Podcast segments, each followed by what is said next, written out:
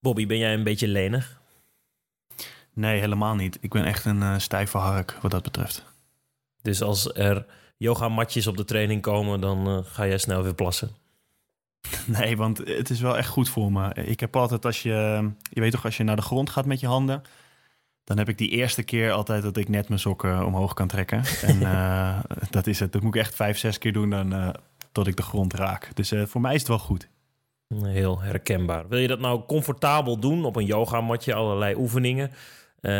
bij Blackroll verkopen ze een hele goede. Met hele goede demping.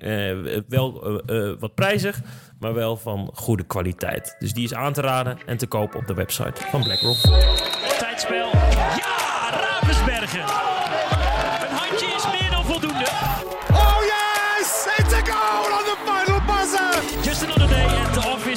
Steins, de spelmaker van PSG. Abing steps up. Cometh the hour, cometh the woman. Loopt hem goed door in de winkelhaak. Van Wetering. 12-5. Glimlach van Angela Malenstein en het publiek op de banken. Nederland is op het EK zesde van Europa geëindigd. Geef het voordeel van de twijfel, WK-ticket op zak, more to come of was het spel onvoldoende? Gaan we zagen? Dat kun je natuurlijk met maar één iemand doen. De eindverantwoordelijke, technisch directeur van het NAV, Serge Rink. Spielmacher draait er niet meer omheen. Eerst wat keuvelen met sidekick Bobby Schagen en dan een goed gesprek met Rink.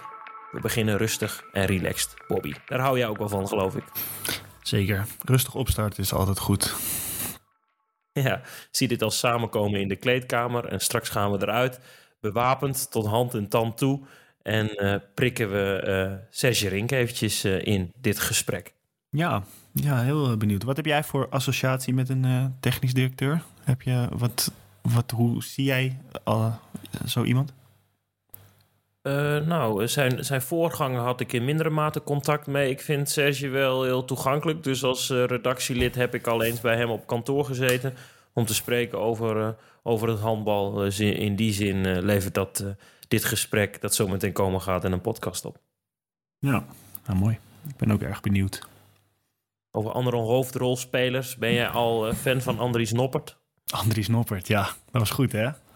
mooi. Ik vind dat zo mooi dat, het, dat bij Louis Vergaal gaat dat ook allemaal goed dan. Tenminste, ja, misschien uh, over twee weken heeft hij twee blunders gemaakt. Dan liggen we eruit. Maar um, altijd als hij zulke uh, gekke dingen doet, dan pakt het goed uit. Dat is uh, mooi. Op het moment van opnemen hebben de voetballers gewonnen van Senegal. En deed Noppert het hartstikke goed. Mooi hè, dat, dat wordt helder dan kunnen ontstaan. En heeft net Saoedi-Arabië van Argentinië gewonnen. Dat was ook wel vet. Heb je dat nog gezien of niet? 1-2 toch? Ja, 1-2. Mooi. Ja, tot, tot zover het voetbal. Zullen we dan nu overgaan naar keuvelen? Mm -hmm. ja. ik, heb iets, ik heb iets voorbereid. Oh, oh, oh. Ik dacht, uh, zeg maar, previous seasons zou Bobby hiervan smullen. Dus uh, uh, ik zit vast op YouTube in een soort algoritme dat ik alleen maar filmpjes krijg van Hell's Kitchen met Gordon Ramsay. Ken je dat? Ja, van je bent een idiot sandwich. Dat is toch hij, of niet? Die iedereen helemaal verrot ja. scheldt, die kok. Klopt. Ja, ja eens per week is, uh, is Kees van de Spek er met een nieuwe aflevering. En tussendoor ga ik dus op YouTube uh, kijken naar video's die me dan eventjes voor een uurtje koest kunnen houden. En dan kom ik bij Kitchen Nightmares. En uh, wat ik zo mooi vind, dan gaat hij dus eerst voedsel eten. En dan gaat hij zijn ongezouten mening geven. En uiteindelijk heel constructief de mensen helpen naar een beter restaurant. Maar ik wil je gewoon even meenemen naar hoe direct Gordon Ramsay is als hij ergens op bezoek is en hij vindt het voedsel niet lekker. Oké. Okay. My food is good. My food is very good. So, um, what would you recommend for lunch? My lasagna is homemade. All this is fresh, right? Yes, everything else is fresh. If it's not fresh, we don't sell En dan it. doet hij het in de magnetron. Thank. Lovely. Mm-hmm. Mm. It's hideous. Like a mishmash of bits of shit put together and brought to the boil, and anemic grey meatballs in there. Mm. How was your soup? Yeah. That's the wedding soup? That's to get him in the mood to get married. Jesus. I'd rather get fucking divorced. oh my God. And that's made fresh every day, is it? Normally our soups last two days. Two days. How could it be soup of the day when it's soup of yesterday? and it's sort of, it's bland. Anyway, hopefully. Hopefully the other dishes will be better. Wow. There's your lasagna. Homemade lasagna. Alweer razendsnel uit de magnetron. Look at that. Someone drop it.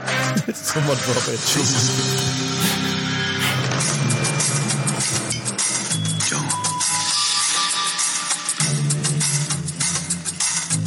we've got like white bits of chicken or veal, but there seems to be something slightly synthetic and plastic inside that tastes absolutely hideous.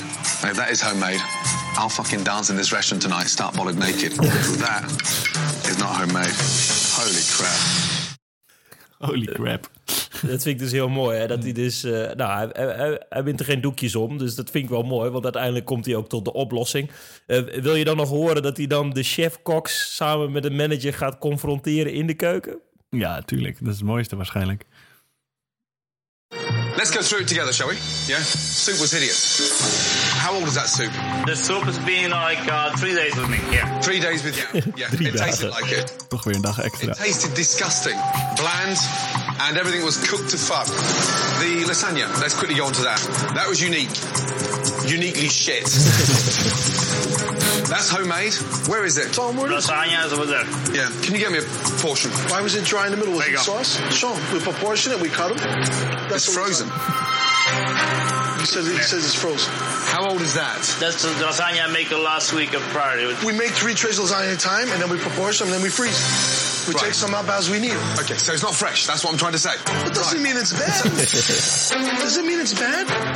I'm Italian, man. Here's a guy from Scotland. What the fuck's he know about lasagna? Does any chef throw food away if it's not bad? Answer that, Mr. Ramsey. Any chef. Yes. Yeah. Hello? You Any gonna ch- throw it away? Should I answer it, or are you going to fucking? No, fucking uh, tell me. Go ahead, uh, fucking tell me. Are you getting upset now? No, not at all. Not at all. A little bit, maybe. Every fucking chef I know makes lasagna fresh every day. When Chef Ramsay started critiquing, telling me all these bad things about my food, I felt like, what is this guy out of his mind? Then the biggest disappointment was the steak. Who buys the steak? That's the toughest steak I've ever eaten. I dropped down on the steaks because my business has dropped. Komt de aap uit de mouw. Choice steak. It's not my black Angus. You're right. I love the way you got I lie to excuses for everything. Mooi man. Het is echt mooi hoe zo'n manager, eh, hoe zo'n mens zich er dan doorworstelt. Je ziet al die fases. Dat in het begin gaat eh, Ramsey er echt zeg maar, met gestrekt been in. En dan verzetten ze zich nog en proberen ze zich met hand en tand te verdedigen. En uiteindelijk moeten ze toegeven vaak dat het echt eh, het eten niet goed is of de bediening niet deugt. Dat is ook vaak leuk. Een of andere zweterige oude man dan die dan de bediening doet en dan geen deodorant draagt. En die moet je dan vertellen dat hij stinkt. Ja, hoe doe je dit? Het is wel mooi dat hij ook gewoon heel eerlijk is. Dat is toch, hij is toch een beetje die, die Louis van Gaal van het koken, denk ik. Die, eh, die zou dit ook zo aanpakken. Ik vind het wel mooi. Weet je, het eh, brengt het met humor en dat is voor tv, dus dat is wel een beetje voor de bühne. Ehm, maar goed, eh, hij draait er niet omheen. Het gaat gewoon puur, wat gaat hier fout? Hij benoemt dat, hij breekt er doorheen en uiteindelijk alle, alle stukjes en de scherven raapt hij op samen met hen en dan komt het weer tot een geheel. Eh, genoeg gekeuvel, eh, Bobby. Gaan we dan net als, eh, eh, hoe, hoe heet die man? Gordon Ramsay er tegenaan? Ja, zeker. Laten we serieuze zaken bespreken. Mooi. De, de lach is al te horen. We hebben hem ingeprikt in dit gesprek. Eh Serge Rink, de technisch directeur eh, van het Nederlands Handbalverbond. Goeiedag. Goedemiddag. Mooi en fijn dat je het tijd voor ons maakt en ook voor de luisteraar. Ik heb in mijn introductie vermeld met wie kun je beter eh, het EK nabeschouwen eh, dan met de man die daar ook eh, wat verantwoordelijkheden he- bij heeft en rond heeft, namelijk eh, de, de TD. En dan kom je bij mij uit. Ja, dus had je niemand anders kunnen zoeken? Nee, nee, we willen het graag eh, heel dicht bij de kern houden. Eh, ik, Nee, ik zei eh, daarbij ook dat we elkaar al eens hebben ontmoet. Dat ik op het kantoor van jou en voorzitter Jaap Wals heb mogen zijn. En een, van, vind ik, een aangenaam gesprek heb mogen houden. Ehm, hoe lang nu, TD? Eh, Laten we dat eventjes de tijdlijn goed hebben. Ruim acht maanden. Ik het er goed heb. En eh, het gesprek was heel wederzijds trouwens, eh, by the way. Dat is heel mooi. En, en voordat we het dan over dat Europees kampioenschap gaan hebben. ehm, eh, Bobby, wat is jouw relatie eh, t- tot eh, Serge?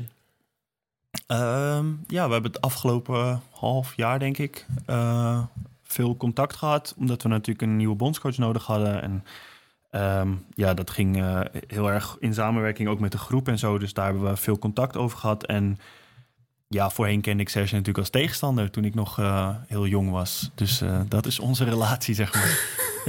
en dan gaan we lachen. Wat voor handballen was het? Um, goed. Hij heeft ook Interlands gespeeld, geloof ik. Ben ik dan juist? Ja, toch? Een aantal? Ja. En, ja, maar eh, dat is al zo lang, dat kan me voorstellen dat niemand dat meer weet. nee, ja, heel fanatiek. Um, uh, goede cirkelloper en vooral heel sterk in de dekking. Dat is wat ik me nog kan herinneren. Maar ja, ik was 16, 17 of zo. Dus uh, ja, het waren altijd pittige potjes tegen Haalsmeer. Dus die hadden wel een team met Gasja van Dijk, met Serge en met Mark Roes, dat soort jongens. Dus ja, dat was niet makkelijk. Gewoon een asshole in het veld, hoor. dat mag je gewoon zeggen. Ja, ik wou het zeggen. Ik, dacht, de, de, ik maak hem zelf wel hoor. Maar Maakt niet uit. Hoe, ik maak hem zelf wel. Hoe rustig en aardig die buiten het veld is, zo fanatiek is die er binnen, zeg maar. Uh, dat zal ik zeker niet ontkennen.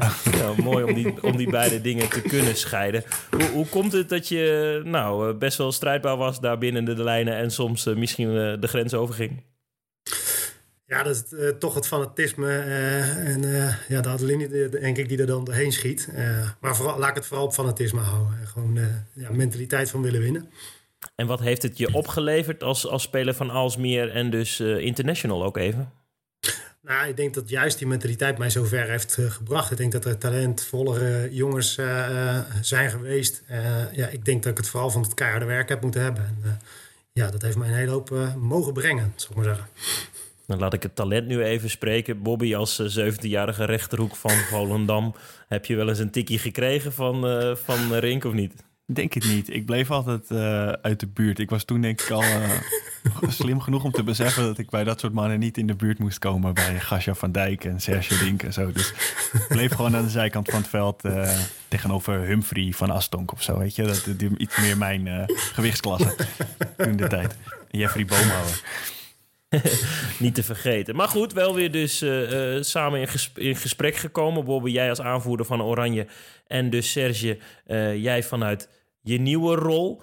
Um, ja, kun, je, kun je eens uitleggen, voordat we het wat, nogmaals over het Europees kampioenschap gaan hebben... hoe je -huh. deze job hebt gekregen en waarom je gesolliciteerd hebt?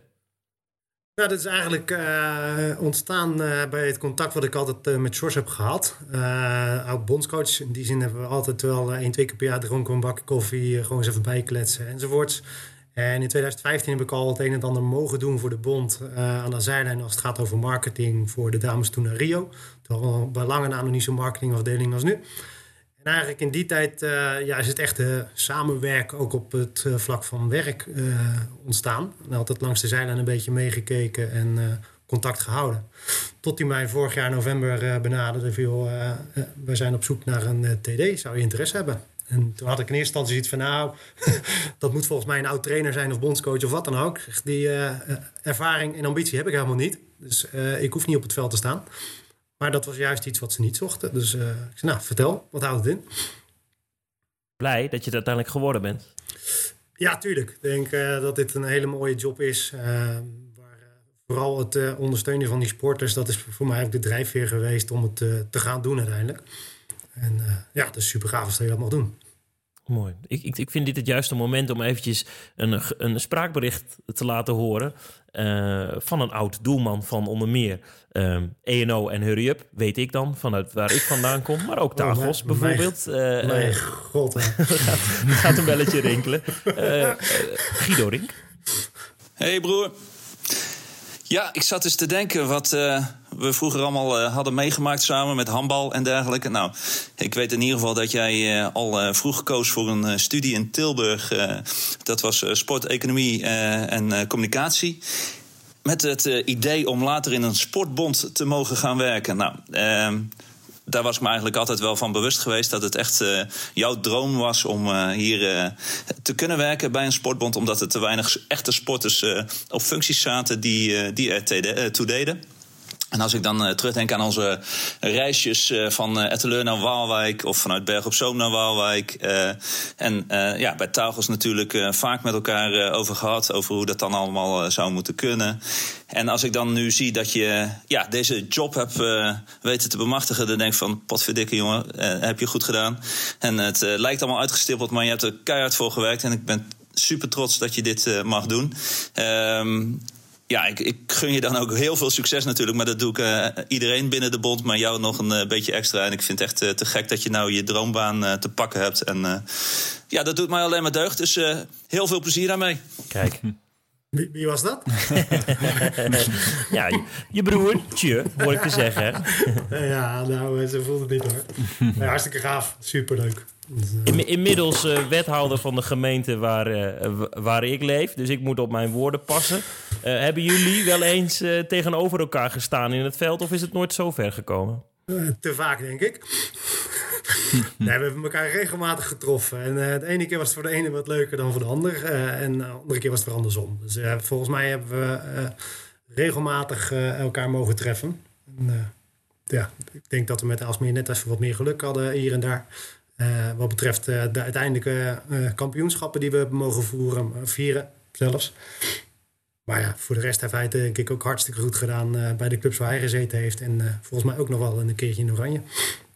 Ken jij Guido Rink? Bobby, gaat er een belletje rinkelen? Zeker. ook als tegenstander van vroeger. Dus goede keeper, toch? Heb ik het dan juist? Ja. Zie je dus, zeker. Nee, kan, ja. ik, kan ik nog wel herinneren. Hij zei droombaan. Is dat ook echt is dat ook zo? Ja, het grappige vind ik wel, dat, dat was niet zozeer de, waarom ik de studie heb gedaan. In eerste instantie was het altijd een beetje, ik zou graag bij een Adidas of een Nike willen werken. Daar heb ik toen ook uh, stage gelopen. Uh, maar inderdaad, de tweede was wel degelijk veel voor mijn sport iets mogen doen in combinatie met marketing communicatie. Dat zou ik super leuk vinden. Dus het klopt voor een deel zeker. maar dat er deze rol uitgekomen is, die had ik van tevoren niet kunnen verzinnen hoor. Als we de, de, de functie van een technisch uh, uh, directeur eens moeten omschrijven, waarvoor ben jij eigenlijk verantwoordelijk binnen de bond? Nou, voor het grootste deel gaat het vooral over de nationale selecties. en dan hebben we het over zowel indoor als beach, vooralsnog. en uiteindelijk ook de verbinding leggen met, ja, noem maar even topsport, oftewel platform, oftewel de handbalverenigingen. Maar focus moet vooral de nationale selecties en dan vergeet ik eigenlijk nog de academie, want dat is ook een heel belangrijk onderdeel daarvan. Uh, dat is mijn focusgebied. zonder dat je, uh, je, je voorganger tekort doet. Um, maar toen jij binnenkwam op het kantoor daar op, op Papendal, wat, wat vond je vooral zelf belangrijk om nou, misschien te veranderen of, of wel meenemen vanuit nou, jouw vakgebied, maar ook ervaring binnen de handbalsport? Nou, ik kom uit de facilitaire dienstverlening en wat ik daar vooral geleerd heb is uh, ja, bepaalde continuïteit en structuur inbouwen en, en ook borgen voor de wat langere termijn. En uh, niks ten aanleiding van mijn voorganger of voorgangers, want er is natuurlijk een tijdje geen TD geweest en uh, ja, daar, dat zag je ook wel. Dus ik proefde al wel behoorlijk wat ehm, ja, wensen en behoeften rondom die structuur en duidelijkheid vooral. En ja, dat is ook hetgeen wat ik nu probeer neer te zetten voor de komende jaren. Dat er gewoon een duidelijke structuur staat waar iedereen, iedereen, weet wat zijn of haar rol is. Toen je begon, toen had je meteen uh, twee nieuwe coaches eigenlijk bij de dames en de heren waar je mee moest werken. Denk je dat dat juist, vind je dat juist makkelijk of lekker, zeg maar, om zo te beginnen? Of was dat ook wel moeilijk, omdat je eigenlijk meteen echt in het diepe gegooid wordt en niet al met mensen die daar zitten uh, kon beginnen, zeg maar? Maar vooral het laatste. Ik vond het best wel uh, lastig. Want uh, even los van het feit dat bij de dames was er natuurlijk de positie al vrij. En moesten we al een keuze maken voordat ik überhaupt begonnen was. Uh, ze wilden in eerste instantie me wachten. Toen ik zei ja, wacht even. In maart spelen die dames een belangrijke cyclus, event. Daar moet gewoon een bondscoach staan. Dus dat hebben wij, nog voordat ik begonnen ben, heb ik dat samen met George mogen doen. En daar is uiteindelijk dan per uitgekomen uiteraard. Dus daar begonnen we al met een redelijk schone lijn. Ja, en uh, gedurende de eerste maanden hebben we natuurlijk het hele trip bij de heren gehad. Ja, daar ga je ook in eerste instantie liever door met uh, wat goed is. Ja, en dan blijkt dan toch dat er andere keuzes gemaakt moeten worden. Maar ja, als dat blijkt vanuit de groep, hè, want dat was eigenlijk een beetje het verhaal, ja, dan moeten we dat ook doen. Daar, ja, even onderbiedig gezegd misschien, maar wat moet gebeuren, dat moeten we dan ook doen. Dan moet ik er ook niet voor weglopen. Maar dat het er niet makkelijk op heeft gemaakt, dat, uh, dat mogen duidelijk zijn, denk ik. Het is niet de makkelijkste weg om mee te beginnen. Uh, voor een online, online artikel voor Handball Insight heb ik uh, mogen spreken met Stefan Olsen. Dat is dan de eerste echte naam uit jouw koker. Uh, er zat ook mm -hmm. iemand van de Volkskrant naast. En die excuseerde zich voor de wat, wat vreemde vragen. Want die ging vooral in op ehm, het feit dat de spelersgroep en de spelersraad, moet ik zeggen, ehm, vooral een grote rol heeft gehad in nou, ook de keuze voor voor Stefan. Ehm, allereerst Bobby, dat, dat is waar, hè? want jij bent onderdeel van die spelersraad en jij hebt hier, hier best wel samen met jouw teamgenoten wat over mogen zeggen.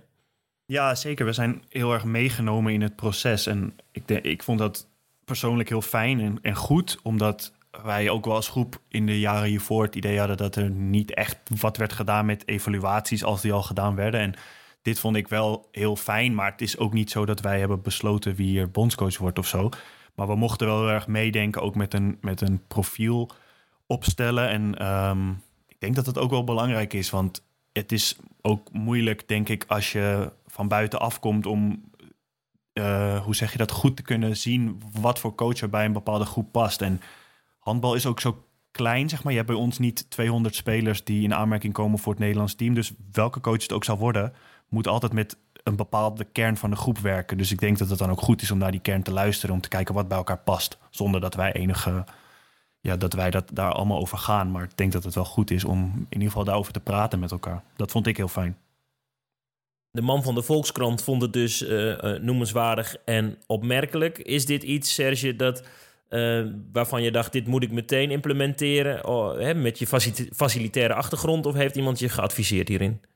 Nee, dit is echt, uh, uh, zonder arrogant te zijn overigens, het, absoluut niet. Maar het is absoluut wel mijn stijl van werken. ik geloof heel erg in dienend leiderschap. Ik noem het altijd maar even, dat klinkt misschien ook populair dan ik bedoel, maar ik wil mensen faciliteren om te laten excelleren. En dat, in dat faciliteren zit voor mij ook een stukje teamwork.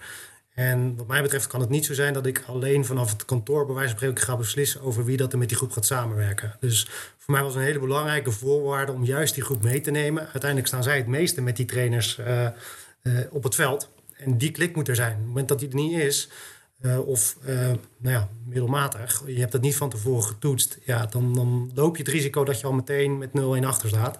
Dat zou zonde zijn. Dus dat is precies de reden waarom ik het juist wel gedaan heb. In zijn eerste week wint het Oranje van Bobby Schagen met één verschil van België en wordt er verloren in Griekenland. Word je dan zenuwachtig, Serge? nou, nee hoor. Dat zou niet goed zijn als we dan al zenuwachtig worden, toch? Uh, dit is echt iets voor de langere termijn. We hebben ook met elkaar uitgesproken. Ik uh, zet voor het gemak altijd even het piketpaaltje op uh, eind 2025. Dat is een beetje de periode waarin je, denk ik, goed kunt beoordelen of het succesvol is geweest of niet. Mensen hebben gewoon tijd nodig. En ook daar pak ik altijd weer een beetje vanuit de facilitaire hoek de benadering van ja, ga gewoon drie jaar eerst eens met elkaar werken. En dan kijk je daarna wel weer verder. Helder. Nou, dan weten we een beetje iets over jouw functie, over jou als handballer en ook de eerste invullingen van je nieuwe, nieuwe werk. Um, zullen we naar het EK gaan dat afgelopen is? Ja, prima. Mooi gespeeld in, in Skopje en uiteindelijk ook voor plaats 5 niet gelukt in Ljubljana. Um, hoe was het daar? Want jij was ter plaatse, Serge. Ja, dat was mijn eerste EK als TD, maar sowieso. ja, heel leerzaam. Het is een, een bijzondere dynamiek die er rondom zo'n toernooi sowieso hangt. los van het feit dat het natuurlijk ook nog eens over verschillende landen verspreid was. Dus dan krijg je het ook weer op een andere manier mee. En even los van het speltechnische deel, ja, vond ik het gewoon een heel leerzaam traject, ook in de organisatie eromheen. Wat valt je dan op of wat neem je dan vooral mee? Wat staat in jouw kladblokje op de weg terug? nou, kijk, het speltechnische deel, dat gaan we uitgebreid nog evalueren natuurlijk. helaas was dat niet stabiel genoeg. In ieder geval wat we kunnen halen, dat hebben we daar helaas net niet vaak genoeg kunnen tonen. Vooral de wedstrijd tegen Frankrijk vond ik daar, daar hebben we echt bij Vlagen wel weer het spel kunnen zien van de dames. Maar helaas was het gewoon iets te wisselend voor verdere resultaten. Aan de andere kant, vooraf hebben we duidelijk top 8 gezegd. En als je dan een WK-ticket toch binnenhaalt, is dat gewoon ja, top. Dan, dan kun je weer doorbeduren op hetgeen waar we mee bezig zijn. Dus dat is handbaltechnisch wat we ervan geleerd hebben. Het niveau wat ze kunnen halen is mooi, maar er moet wel wat meer stabiliteit in komen. Even kort en bondig. En organisatorisch, ja, hoe zo'n EAF en een plaatselijk organisatiecomité samenwerkt, dat, uh, dat vind ik toch wel bijzonder om dat te ervaren. En uh, we hadden daar hele grote uitdagingen voor, met name uh, het deel van het eten voor de dames. Ja, wat daar dan bij komt kijken, dat is wel heel bijzonder. ook samen met Frankrijk en Roemenië, die in, in samenspraak met ons heel veel pogingen hebben gedaan om dat te veranderen. Want het eten was niet goed. Was slecht? Ja, het was echt, het was echt heel slecht. Uh, je zit in een vijf-sterren hotel, uh, maar het, het, eten wat ze daar voorschoten voor sporters was echt dramatisch. Waarom? Dus we hebben nou ja, gewoon geen afwisseling en te eenzijdig. en, en nauwelijks keuze, met name in, in fruit en groenten en, en alleen een beetje rijst en pasta, dan houdt het wel op. Ja, als je dat twee weken moet eten, dan word je daar niet heel vrolijk van. Dus we hebben regelmatig uh, zijn we naar de, de supermarkt geweest. We hebben menus laten in, of tenminste laten opstellen. Van tevoren al gestuurd, maar daarna nog een paar keer. We zijn samen met Roemenië en Frankrijk de keuken ingelopen om met de chef te praten. Allemaal van dat soort dingen. Ja, dan, dan kregen we hooguit misschien een keer een lasagne of uh, misschien een keertje op pannenkoeken de afwisseling. En dat was het dan, weet je. Dat soort strijd, dat is wel bijzonder om mee te maken. Ik heb um, um, geluidsfragmenten vanuit die keuken. nee, nee, nee. Kitchen Nightmares. Het is helemaal... Ik, uh, ik denk dat die vanuit Ljubljana kwamen. dat was een stuk beter. nou, maar dat is dan iets dat je dan uh, ter plekke moet, moet oplossen... om ervoor te zorgen dat de sporters weer uh, nou, kunnen presteren. Dus dan heb je weer die facilitaire achtergrond van je te pakken. Ja, ja, goed. En, en, toevallig heb ik ook in de catering gewerkt. dus ik kan er wel, wel iets van zeggen, zou ik maar zeggen. En het was echt slecht, helaas. Maar ja, dan zie je dat het gewoon heel moeilijk is om dat in dat soort landen om te turnen. Zelfs met EF-mensen erbij. Ja, heel bijzonder. Heb je ook, heb je ook tijdens een toernooi eigenlijk handbaltechnisch... Nou, dit zijn organisatorische dingen. Heb je ook handbaltechnisch veel contact met, met bondscoach over hoe dingen gaan? Uh, of gaat dat, laat je hem vooral zijn gang gaan en uh, hoe, hoe werkt zoiets? Zeker nu heb ik uh, vooral even voor gekozen om zijn gang te laten gaan. In de Golden League, de voorafgaand, hebben we wel wat meer discussie. discussie in de positieve zin. Gewoon even sparren. Hoe denk je nou? Wat wil je gaan spelen? Hoe wil je het spelletje gaan doen? Uh, ter aanvulling op de Nederlandse visie. maar tijdens de EK heb ik hem vooral laten gaan. En af en toe hebben we nog eens even over geda van gedachten gewisseld. Maar verder laat ik hem vooral zijn eigen plan uitvoeren. En dat was ook een bewuste keuze. iets meer afstand houden. Gewoon hun laten focussen op het presteren daar. En op de groep. En uh, ik denk dat dat uiteindelijk ook het beste is om te doen. En als je dan op een, op een vrije dag wel samen uh, eens gaat zitten. Um, ja, en, en je hebt het over het handbal inhoudelijke. Wat bespreek je dan? En, en gaat het er dan soms veel aan toe? Wil hij graag, Per Johansson in dit geval de bondscoach van de Oranje Dames, wil die luisteren? Ja, maar hij wil zeker luisteren. Hij staat er ook wel voor open. Maar ik ga mij uh, op dat vlak niet bemoeien met allerlei tactische en wisselkeuzes en dat soort dingen. Het is gewoon meer dat je dan spart voor wat is je opgevallen en bepaalde wedstrijdsituaties. En dan kom je toch weer terug op het stukje stabiliteit en continuïteit. Dat, ja, dat er best wel wat verschil in zit. En hoe dat dan kan en hoe we dat uh, zouden kunnen ondersteunen op een andere manier. Maar ja, verder dan dat gaat het eigenlijk niet hoor. Uh, en, en je bekijkt ook nog wat andere wedstrijden. Van oké, uh, Frankrijk of Roemenië of later Montenegro en dergelijke. Die bekijken dan nog eventjes samen. Maar dat is ook minimaal. ik wil daar zo min mogelijk tussen gaan zitten. Want het is vooral iets tussen met name Ricardo en Per. En Jasmina, eh, met de keepers erbij natuurlijk. Uh, dus het is meer algemeen wat sparren. Van, joh, wat heb jij gezien, wat heb jij gezien? Mm -hmm. Heb je ondanks... Uh, ja, ga door. Als je wil vragen, heb je ook contact met andere technisch directeuren tijdens zo'n toernooi? Hoe die dat doen, hoe die werken? Ik kan me voorstellen dat dat... Het is ook voor jou nieuw eerste EK. En ik denk heel veel mensen niet weten precies wat een TD doet. En ja, ik weet niet of, dat, of die onderling ook contact hebben. Jazeker. En uh, met name met onze Franse collega heb ik uh, heel veel geschakeld. Uh, die was ook relatief nieuw. Die was in december begonnen. Dus we hadden wel de, dezelfde uitdaging. Ondanks dat het daar natuurlijk anders georganiseerd is. Hmm. Maar ook gewoon ja, met diverse stakeholders waar je mee te maken hebt. En los van het speltechnische deel. Ja, daar heeft hij ook wat meer afstand van, zou ik maar zeggen. Gewoon de structuur. En ja, daar gaan we binnenkort hopelijk ook weer een vervolg aan geven. Wat dat betreft zijn de contacten met Frankrijk wel heel erg goed. En Roemenië was uh, niet de TD daar, maar uh, gewoon de technische, uh, sorry, de teammanager. Dat was vooral organisatorisch. Ging het daar nog over de. Oh, dat was niet Roemenië, toch? Die camera's gevonden hadden tijdens het afsluitende nee. training. Was dat Roemenië? Weet je dat nog? Nee, dat, nee? Was, dat was volgens mij Servië en Slovenië. Klopt. Wat, ja. Is daar nog iets uitgekomen dat ze die training stiekem gefilmd hadden? Volgens mij niet meer dan een waarschuwing. Dat ah. moet niet vergissen. jammer. was ik al benieuwd. Ja. ja, heel bijzonder. Ja. Bobby Nederland heeft genoegen moeten nemen met uh, plaats 6. En dan zegt onze technisch directeur... de doelstelling was top 8. Dus in die zin hebben we hem binnengeknikt. Um, ben jij uh, tevreden? Ja, nou ja, ik gaat, mij niet, er niet zo om of ik tevreden ben, denk ik. Maar ik, ik vind het wel knap eigenlijk. Ja, ik, ik zag ook op Facebook heel veel, een beetje soms ook negatieve reacties. Maar als je bedenkt dat er zoveel speelsters zijn die voor het eerst een groot toernooi spelen... en ook uh, heel veel vaste krachten die er niet bij zijn... ik vind dat ze echt op bij Vlagen heel hoog niveau hebben gehaald van wat ik heb gezien. En dat vind ik heel knap. En het is logisch dat een jonge ploeg uh, dat niet elk, elke drie dagen kan oproepen, zeg maar. Dus ik vind dat als je nu al met, met zo'n uh, jonge ploeg zo dicht bij medailles. Want uiteindelijk, als je een doelpunt meer maakt tegen Spanje. Ik denk dat dat gelijkspel is misschien typerend voor het toernooi. Dat die hele wedstrijd een beetje op en neer ging. Die kan je gewoon winnen en dan speel je gewoon om de medailles. Als je er nu al zo dichtbij zit, denk ik dat je voor 2025 thuis WK uh, echt hele goede vooruitzichten hebt. Maar ik weet niet of de TD dat ook zo ziet. Ja, daar, kan me helemaal aansluiten. Dat was ook precies het verhaal zoals wij dat hebben bekeken. weet je, dat WK-ticket was belangrijk uh, daarin. Ja, het toernooi, precies wat Bobby zegt, is best wel wisselvallig geweest. En dat komt ook door de, ik denk voor een groot deel jeugdigheid van de groep. Maar het niveau wat ze kunnen halen, ja, dat biedt wel perspectief. En misschien zijn we een beetje verwend geraakt door de Golden League. daar zijn de verwachtingen daardoor, denk ik, voor deze groep behoorlijk omhoog uh, geschroefd. En dat mag ook. En dat vonden ze voor hunzelf ook. Maar ik denk dat gezien de weg die we op het toernooi uh, hebben bewandeld, uh, ja, wel duidelijk is dat er enorm potentie in zit. Maar ja, kom ik weer terug op een stukje stabiliteit. Heldere conclusie. Over het algemeen vinden mensen mij als redactielid te zoet. Sugarcoating, zeggen ze. Stijn, je moet kritischer zijn, want er is meer om te benoemen. En dat doen jullie te weinig in zowel de podcast of online. Ja. En ja, maar wat, wat vind jij dan als, als journalist van dit toernooi? Hoe, hoe ziet de media dit? Precies.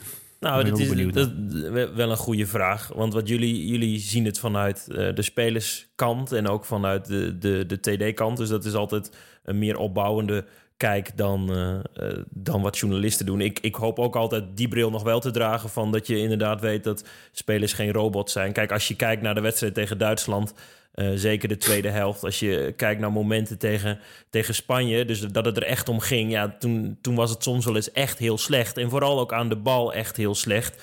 Um, um, ja, dus daar moet naar gekeken worden. Maar goed, dan hoor ik mensen ook uh, tactische dingen roepen. Of uh, er moet meer druk komen van, van afstand, afstandsschoten. Ja, goed, hè, zo zit je groep soms niet in elkaar. Dus uh, ja, en als het vertrouwen dan wat, wat weg dan is het heel ingewikkeld om in zo'n arena opeens weer het tij te kunnen keren. Um, maar goed, dan zal de bondscoach de eerste zijn die die video's bekijkt en zal aanstippen waar de pijnpunten zitten. En dat het heel veel beter moet. Dus ik vind niet dat de journalistiek uh, dat hoort te doen. Maar hè, als we moeten aanstippen, er waren een aantal momenten best heel aardig. Ik denk niet van topniveau, maar best heel aardig. En er waren een aantal momenten in wedstrijden. En dan denk ik vooral dat Duitsland en Spanje, die in de hoofdfase cruciaal waren, dat het gewoon niet goed genoeg was. Ja. En dat heeft een reden. En uh, de, die kunnen we allemaal bedenken en opnoemen. Uh, maar de feitelijkheden zijn dat. En als je dan ziet dat uh, Noorwegen, Denemarken, Montenegro, Frankrijk en Zweden boven Nederland zijn geëindigd, dan denk ik ja, die zijn op dit moment ook beter. Ja, kan ik me wel in vinden. Zijn nu alle mensen in, uh, in de DM en online tevreden met, met, met dit? Zit er een vinkje achter, dan, ja. is, dit, goed, dan goed. is dit voldoende. je noemt 2025, Serge. daar werken jullie naartoe ook, het toernooi in, in eigen land. Als we dan een aantal speelsters uitlichten waar we blij door verrast zijn... en die zeker mee kunnen tot 2025. En Bobby, jij mag ook zeker meedoen hieraan. Um, wie willen we dan uitlichten? Bobby, jij mag eerst. Ja, ik, misschien is open deur, maar ik vond uh, Jara ten Holte uh, heel sterk. Ik denk dat dat echt wel voor de toekomst heel uh, fijn is. Zo'n goede keepster. Echt heel vaak een heel hoog niveau gehaald. Dus als ik, als ik daarmee mag aftrappen, dan doe ik dat. Aflopend contract in Dortmund bij Borussia Dortmund. En die gaat ongetwijfeld een mooie transfer maken. Daar mogen we ons op verheugen. Serge, doe eens een duit in het zakje. Uh, ik sla sowieso jaren, maar ik vond Merel ook een heel uh, een goed toernooi draaien. Mm -hmm. uh, is voor mij ook absoluut een lichtpuntje. En daarmee wil ik ook Nikita niet tekort doen, want ook die heeft het onwijs goed gedaan. allebei lekkere bikkels in, in dat midden. Misschien let ik daar iets meer op als, als oud-positie. Als oud Ja, precies. Ja, dat zijn ook gewoon tijgers daar. Zo. Dat vind ik mooi om te zien. Weet je, die, uh, die hebben een dusdanige mentaliteit. Denk, nou, daar kunnen we nog heel veel van uh, gaan profiteren. Uh, nogmaals, zonder de anderen tekort te doen. Ja, en ik kan nog steeds genieten van een Laura en, en Angela. die hebben ook een prima toernooi gedraaid. Ja. denk ik. dat is hij gewoon een goede steunpilaren. En Kelly in de dekking ook zeker. ja, en dan is het altijd even lastig op het moment dat je weer in moet komen na zo'n schorsing. Dat snap ik ook. Ook een vervelend moment natuurlijk op zo'n EK. maar goed, ook die kunnen echt nog wel wat, wat verder. En Inge kan ook echt nog wel een niveau halen waar we jarenlang plezier van mogen hebben. Helemaal eens. Ja. Tijd voor de, de column van uh, de vriend van de show, Jochem de Boer. Dag mannen. Om nog even terug te komen op vorige podcast. Ik heb de Europees kampioen goed voorspeld, hè? Ja, ja, je kan wel zien wie de echte kenner is. De nummer 2, 3 en de MVP volledig verkeerd. Maar goed, dat is bijzaak. We hadden alle drie de MVP verkeerd. Dus de gratis tickets voor de VIP-box voor Aristos 2... die blijven nog even op zak. Ik ben trouwens helemaal geen fan van deze toernooi opzet. Met een poolfase en dan een tweede poolfase. De helft van de wedstrijden in de tweede poolfase zijn voor spek en bonen. En je hebt binnen no time door dat het eigenlijk maar gaat tussen drie van de zes ploegen in deze fase. Er gaat voor mij niks boven do-or-die wedstrijden. De dood of de gladiolen, alles of niks, verlengen, penalties, verrassingen, gekkigheid, de hele mikmak. Wat mij betreft gaan we terug naar het toernooi opzet met echte knock-out wedstrijden. Een achtste finale, een kwartfinale, etc. Maar goed, er zullen wel allerlei belangen zijn waarom zijn gekozen voor deze opzet. Iets met commerciële belangen of zo. Iets waar ik niet van af weet. Maar goed, zolang dit de maat is van commerciële belangen is in onze sport, kan ik daar prima mee leven. Over commerciële belangen gesproken, we vallen van een EK handbal en een WK voetbal. Van een feestje voor de sport naar een feestje voor, uh, tja, voor wie is het WK voetbal eigenlijk een feestje? Voor hun eigen sheiks? Uh, ik heb geen idee joh, wat een poppenkast. Ik kijk nu al uit naar een WK handbal zonder politieke discussies en gedoe. Eindelijk alleen maar over handbal praten in Polen. Toch? Of niet? Onder aanvoering van de huidige regering neemt de haat tegen de LHBTI-community in Polen flink toe. De regering is bijvoorbeeld tegen een manifest van de burgemeester van Warschau, waarin hij pleit voor schoollessen tegen discriminatie. De lokale Thierry Baudet riep meteen over het gevaar van masturberende kleuters als gevolg van de lessen. Daarnaast is er een opkomst van de zogenoemde LHBT-vrije zones. En inmiddels is een derde van Pools grondgebied een zelfverklaarde LHBT-vrije zone. En we verlangen allemaal van ons Nederlands team in Qatar dat we een statement maken tegen dit soort dingen, toch? Dus welk statement gaan wij maken in Polen? Is daar al over nagedacht binnen het team en binnen het NAV? Zit ik toch even lekker met eh, de aanvoerder van Oranje en de technisch directeur. ja. nou, hij, hij, hij snijdt hem natuurlijk scherp aan.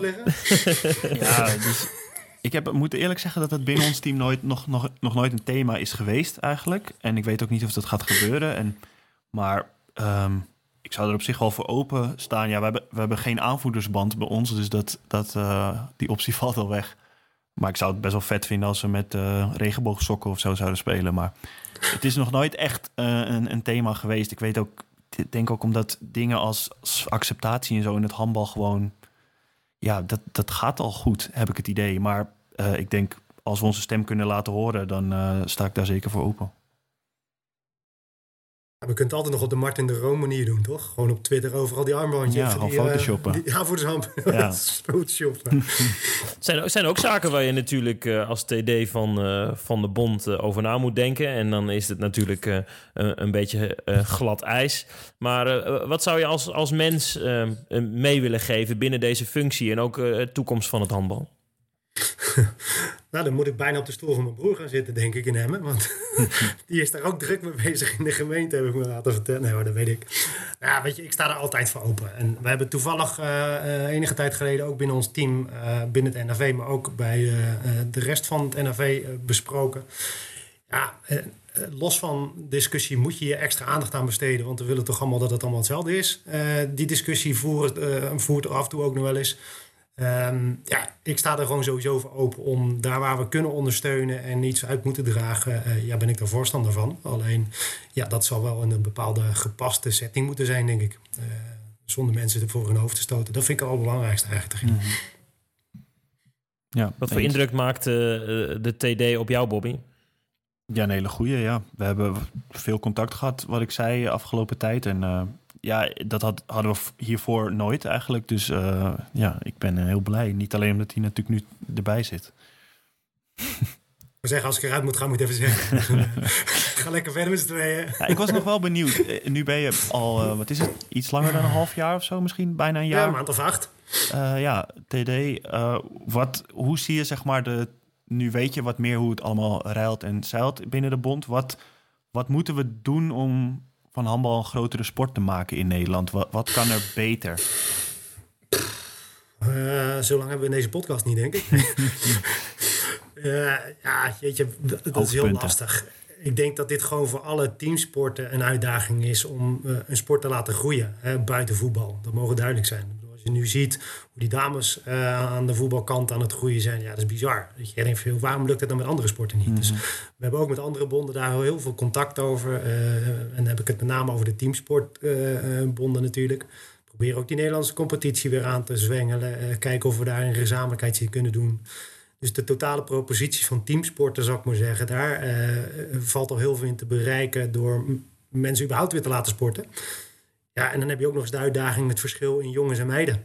Ja. Je, uh, dat is gewoon ontiegelijk lastig. En, ja, ik heb al gekscherend ge, met Dirk er wel eens over gehad. Bij de jongens moet je eigenlijk een e-sportsachtige dingen eraan gaan hangen.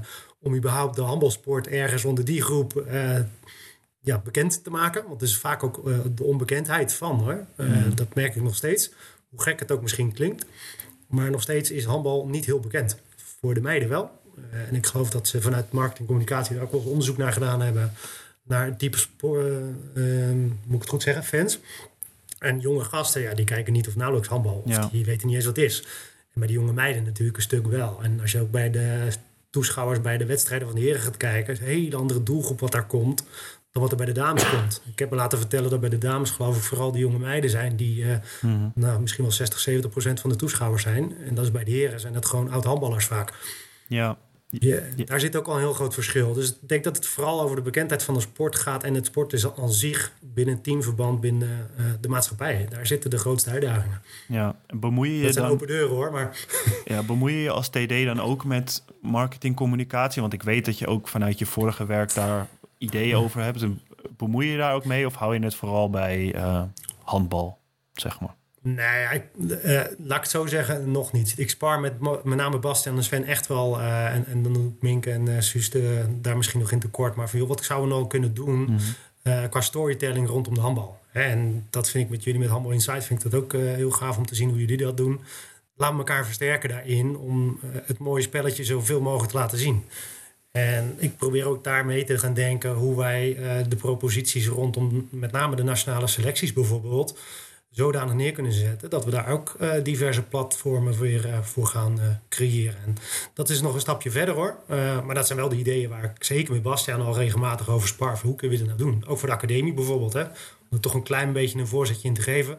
het is een behoorlijk uniek opleidingsinstituut. Mm. Zo wordt er vanuit de handbalwereld breed ook naar gekeken. Ik heb het nu ook weer gemerkt van de Franse bond. Die wil weer heel graag komen kijken op de academie. We hebben daar iets unieks. Nou, die story moeten we ergens gaan vertellen. En in mijn beleving moeten we die dus ook uh, bij diverse opleidingsinstituten neer kunnen leggen... om daar uh, meer zichtbaarheid en partnership in te creëren. Maar dat is gewoon maar even een ballonnetje wat we hier en daar al aan het opladen zijn. Maar zo probeer ik vanuit mijn eigen commerciële marketingachtergrond...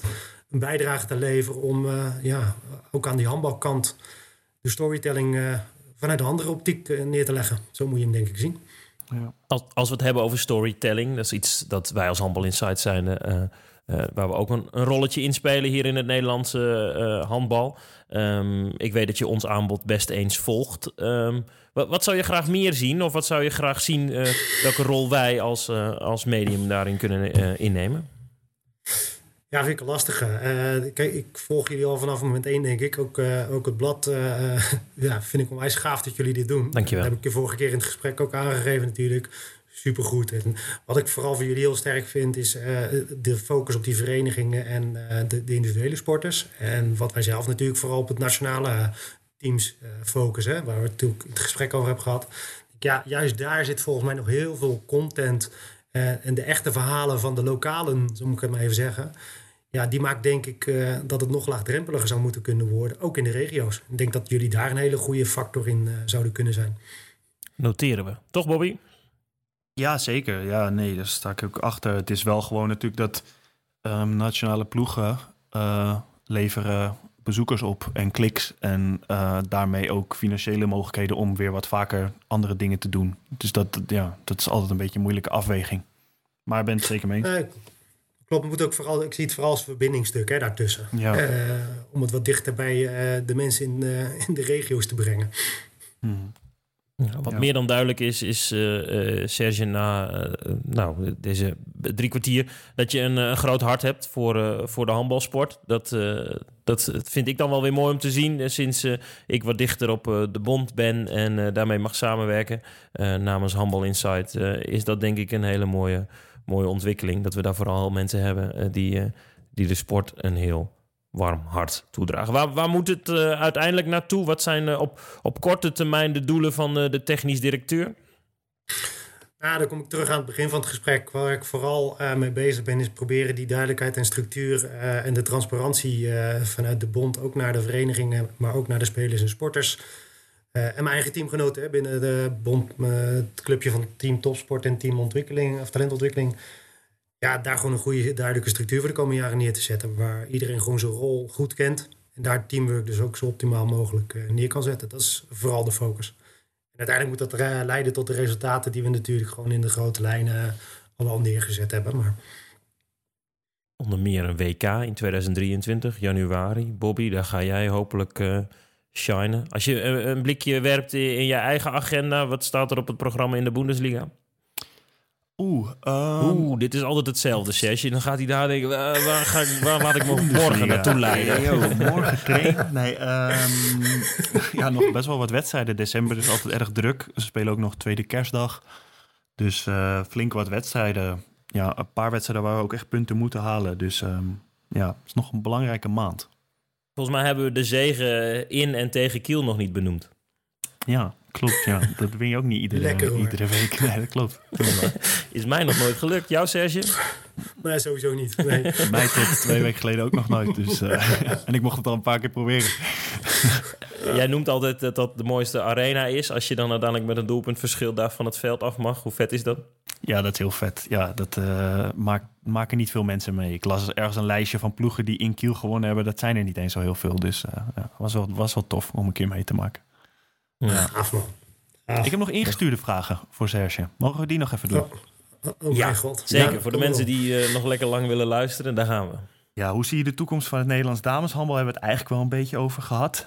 Um, uh, misschien moet je ook de namen noemen van de mensen die de vraag hebben ingestuurd. Lol, Lol 26. Is dat duidelijk oh, genoeg voor je? Ja, daar hebben we het eigenlijk over gehad. Dan hebben we een vraag van Amy Monje. Als ik het goed uitspreek. Vond je het coachen van de D1 uh, bij Ventura leuk? Zo ja, wat vond je het leukst? dat is oud speelster. Amy Monnier, ja. Nee, was uh, zeker leuk. Maar ik heb er, uh, ben er ook wel achter dat ik geen trainer ben. Coachen vind ik nog wel leuk, maar trainer, dat is niet Waarom niet? Nee. Nou, ik vind dat moet je ook goed voorbereiden. En, en zeker bij, de, bij Ventura nu heb ik best wel wat training gegeven aan eigenlijk meer teams. Dan zou ik het bij één team willen doen, want dan kun je ook gewoon wedstrijdgerichter gaan trainen. Meer aandacht geven aan. Maar de, dat hebben ze me tot nu toe gewoon niet gelukt. En ik vind, dat moet je ook goed voorbereiden. En ja, daar heb ik iets minder uh, interesse in, zou ik maar zeggen. Okay. Goede oefeningen voorbereiden. Ja. Dan hebben we Mirjam Cornelissen. Wat is het leukste aan werken op het bondskantoor? dat je de sport al in mag lopen. Ja? Dat je van het kantoor uit mag lopen. ja, precies. Zo min mogelijk op kantoor zijn. Ja. Ja. Nou ja, weet je, dat is mooi aan Papendal. Je kan daar gewoon de, de sport in, letterlijk in, uh, inlopen. En uh, ja, dat, vind, dat doe ik veel te weinig. Dat wil ik echt veel meer gaan doen. Uh, maar dat vind ik eigenlijk het leukste. Gewoon weer bij die sporters daar, daar zijn en zien hoe dat speelt. Oké. Okay. Dan hebben we van Mike Multi, de voorzitter van Alsmeer. Zeg ik goed, voorzitter? Oh. Serge, je oh bent veel God. dingen aan het verbeteren. Wat staat er nou echt boven aan je lijstje? uh, nou ja, ook, ook, daarvoor geldt weer. Het belangrijkste is gewoon die structuur en de, de facilitaire organisatie aan de achterkant voor die sporters uh, zo goed mogelijk neerzetten. Mijn focus zit echt op de sporters. Ik denk dat jij daar ondertussen uh, de ervaring al een beetje mee hebt, Bobby, mm. de, waar we het net al over gehad.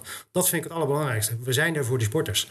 Dat wil ik langs alle kanten uit blijven stralen. En ja, wat er dan op pad komt, wat georganiseerd moet worden ja, dat is belangrijk. Uh, maar uiteindelijk ben ik ervan overtuigd dat als je dat goed doet, haal je ook die resultaten wel die je met elkaar wil halen in de doelstellingen. Ja. Nog eentje, Bobby. Pik er een goede uit. Um, wanneer krijgt het NAV een NOC-NSF-status? Maar ik weet niet precies wat daarmee bedoeld wordt. Die hebben de, de vrouwen hebben die al. Ja. ja. Ja, en ik hopelijk de heren binnenkort ook. Maar...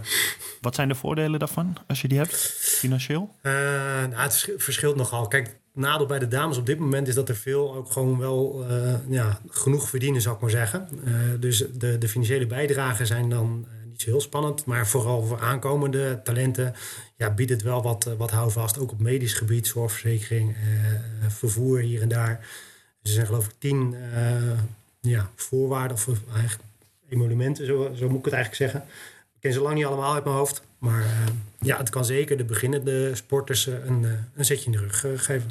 Als jij al in het buitenland speelt, dan komt een hoop dingen helaas daarvan wel te vervallen hoor. Ja, oké. Meer dan helemaal. Allemaal ja, alle vragen ingestudeerd uh, of ingestuurd. Sorry, maak ik opnieuw de fout. Uh, via Instagram zijn we te volgen. At Handball Insight. Als je dat nog niet doet, doe dat vooral. Hmm. Tot zover. Heb je iets laten liggen, Serge? Mooi. Wilde je nog ergens met ons over hebben? Of, wie het belangrijk ja, zijn. leuk om, uh, om hier eens een keer aan mij bij te mogen dragen. Super bedankt voor de uitnodiging. Uh, dat was een eer. En uh, ja, laten we hopen dat we met z'n allen lekker door kunnen gaan. En, wij zien elkaar sowieso in januari. Mm. Eerst nog even een, een, volle maand voor je in december. Ja. Blijf fit, zou ik zeggen. Ja, dat is ja want we hebben er nog maar eentje. Ja. De rechterhoek, die ik wou zeggen, dat is een grote uitdaging. Ja, genoeg. ja, nee, maar gaaf. Ik kijk enorm uit naar het WK straks met die mannen. Superleuk. Dus dank jullie wel. Ja, mogen we dit over een jaartje weer een update doen vanaf het bondskantoor? Lijkt me leuk. Ja, gezellig. Ja. Kom erop. Oké, mooi. Kijk, hebben we alvast een gast, uh, Stijn. Heel fijn. Nou, dat, dat jij eens een keer regelt, dat is ook goed, Bobby. Oeh, een kleine sneer. ik ben sidekick. Oh, heerlijk. ja, dat is heel goed. hey, uh, mijn, uh, mijn schapen ontsnappen, want uh, de, het gras wordt steeds minder lang. Dus ik moet, moet gaan, een hek bouwen en, en ze verplaatsen. Dus ik zeg tjus. Oké, okay. hey, tjus. Bedankt hè. Hoi hoi.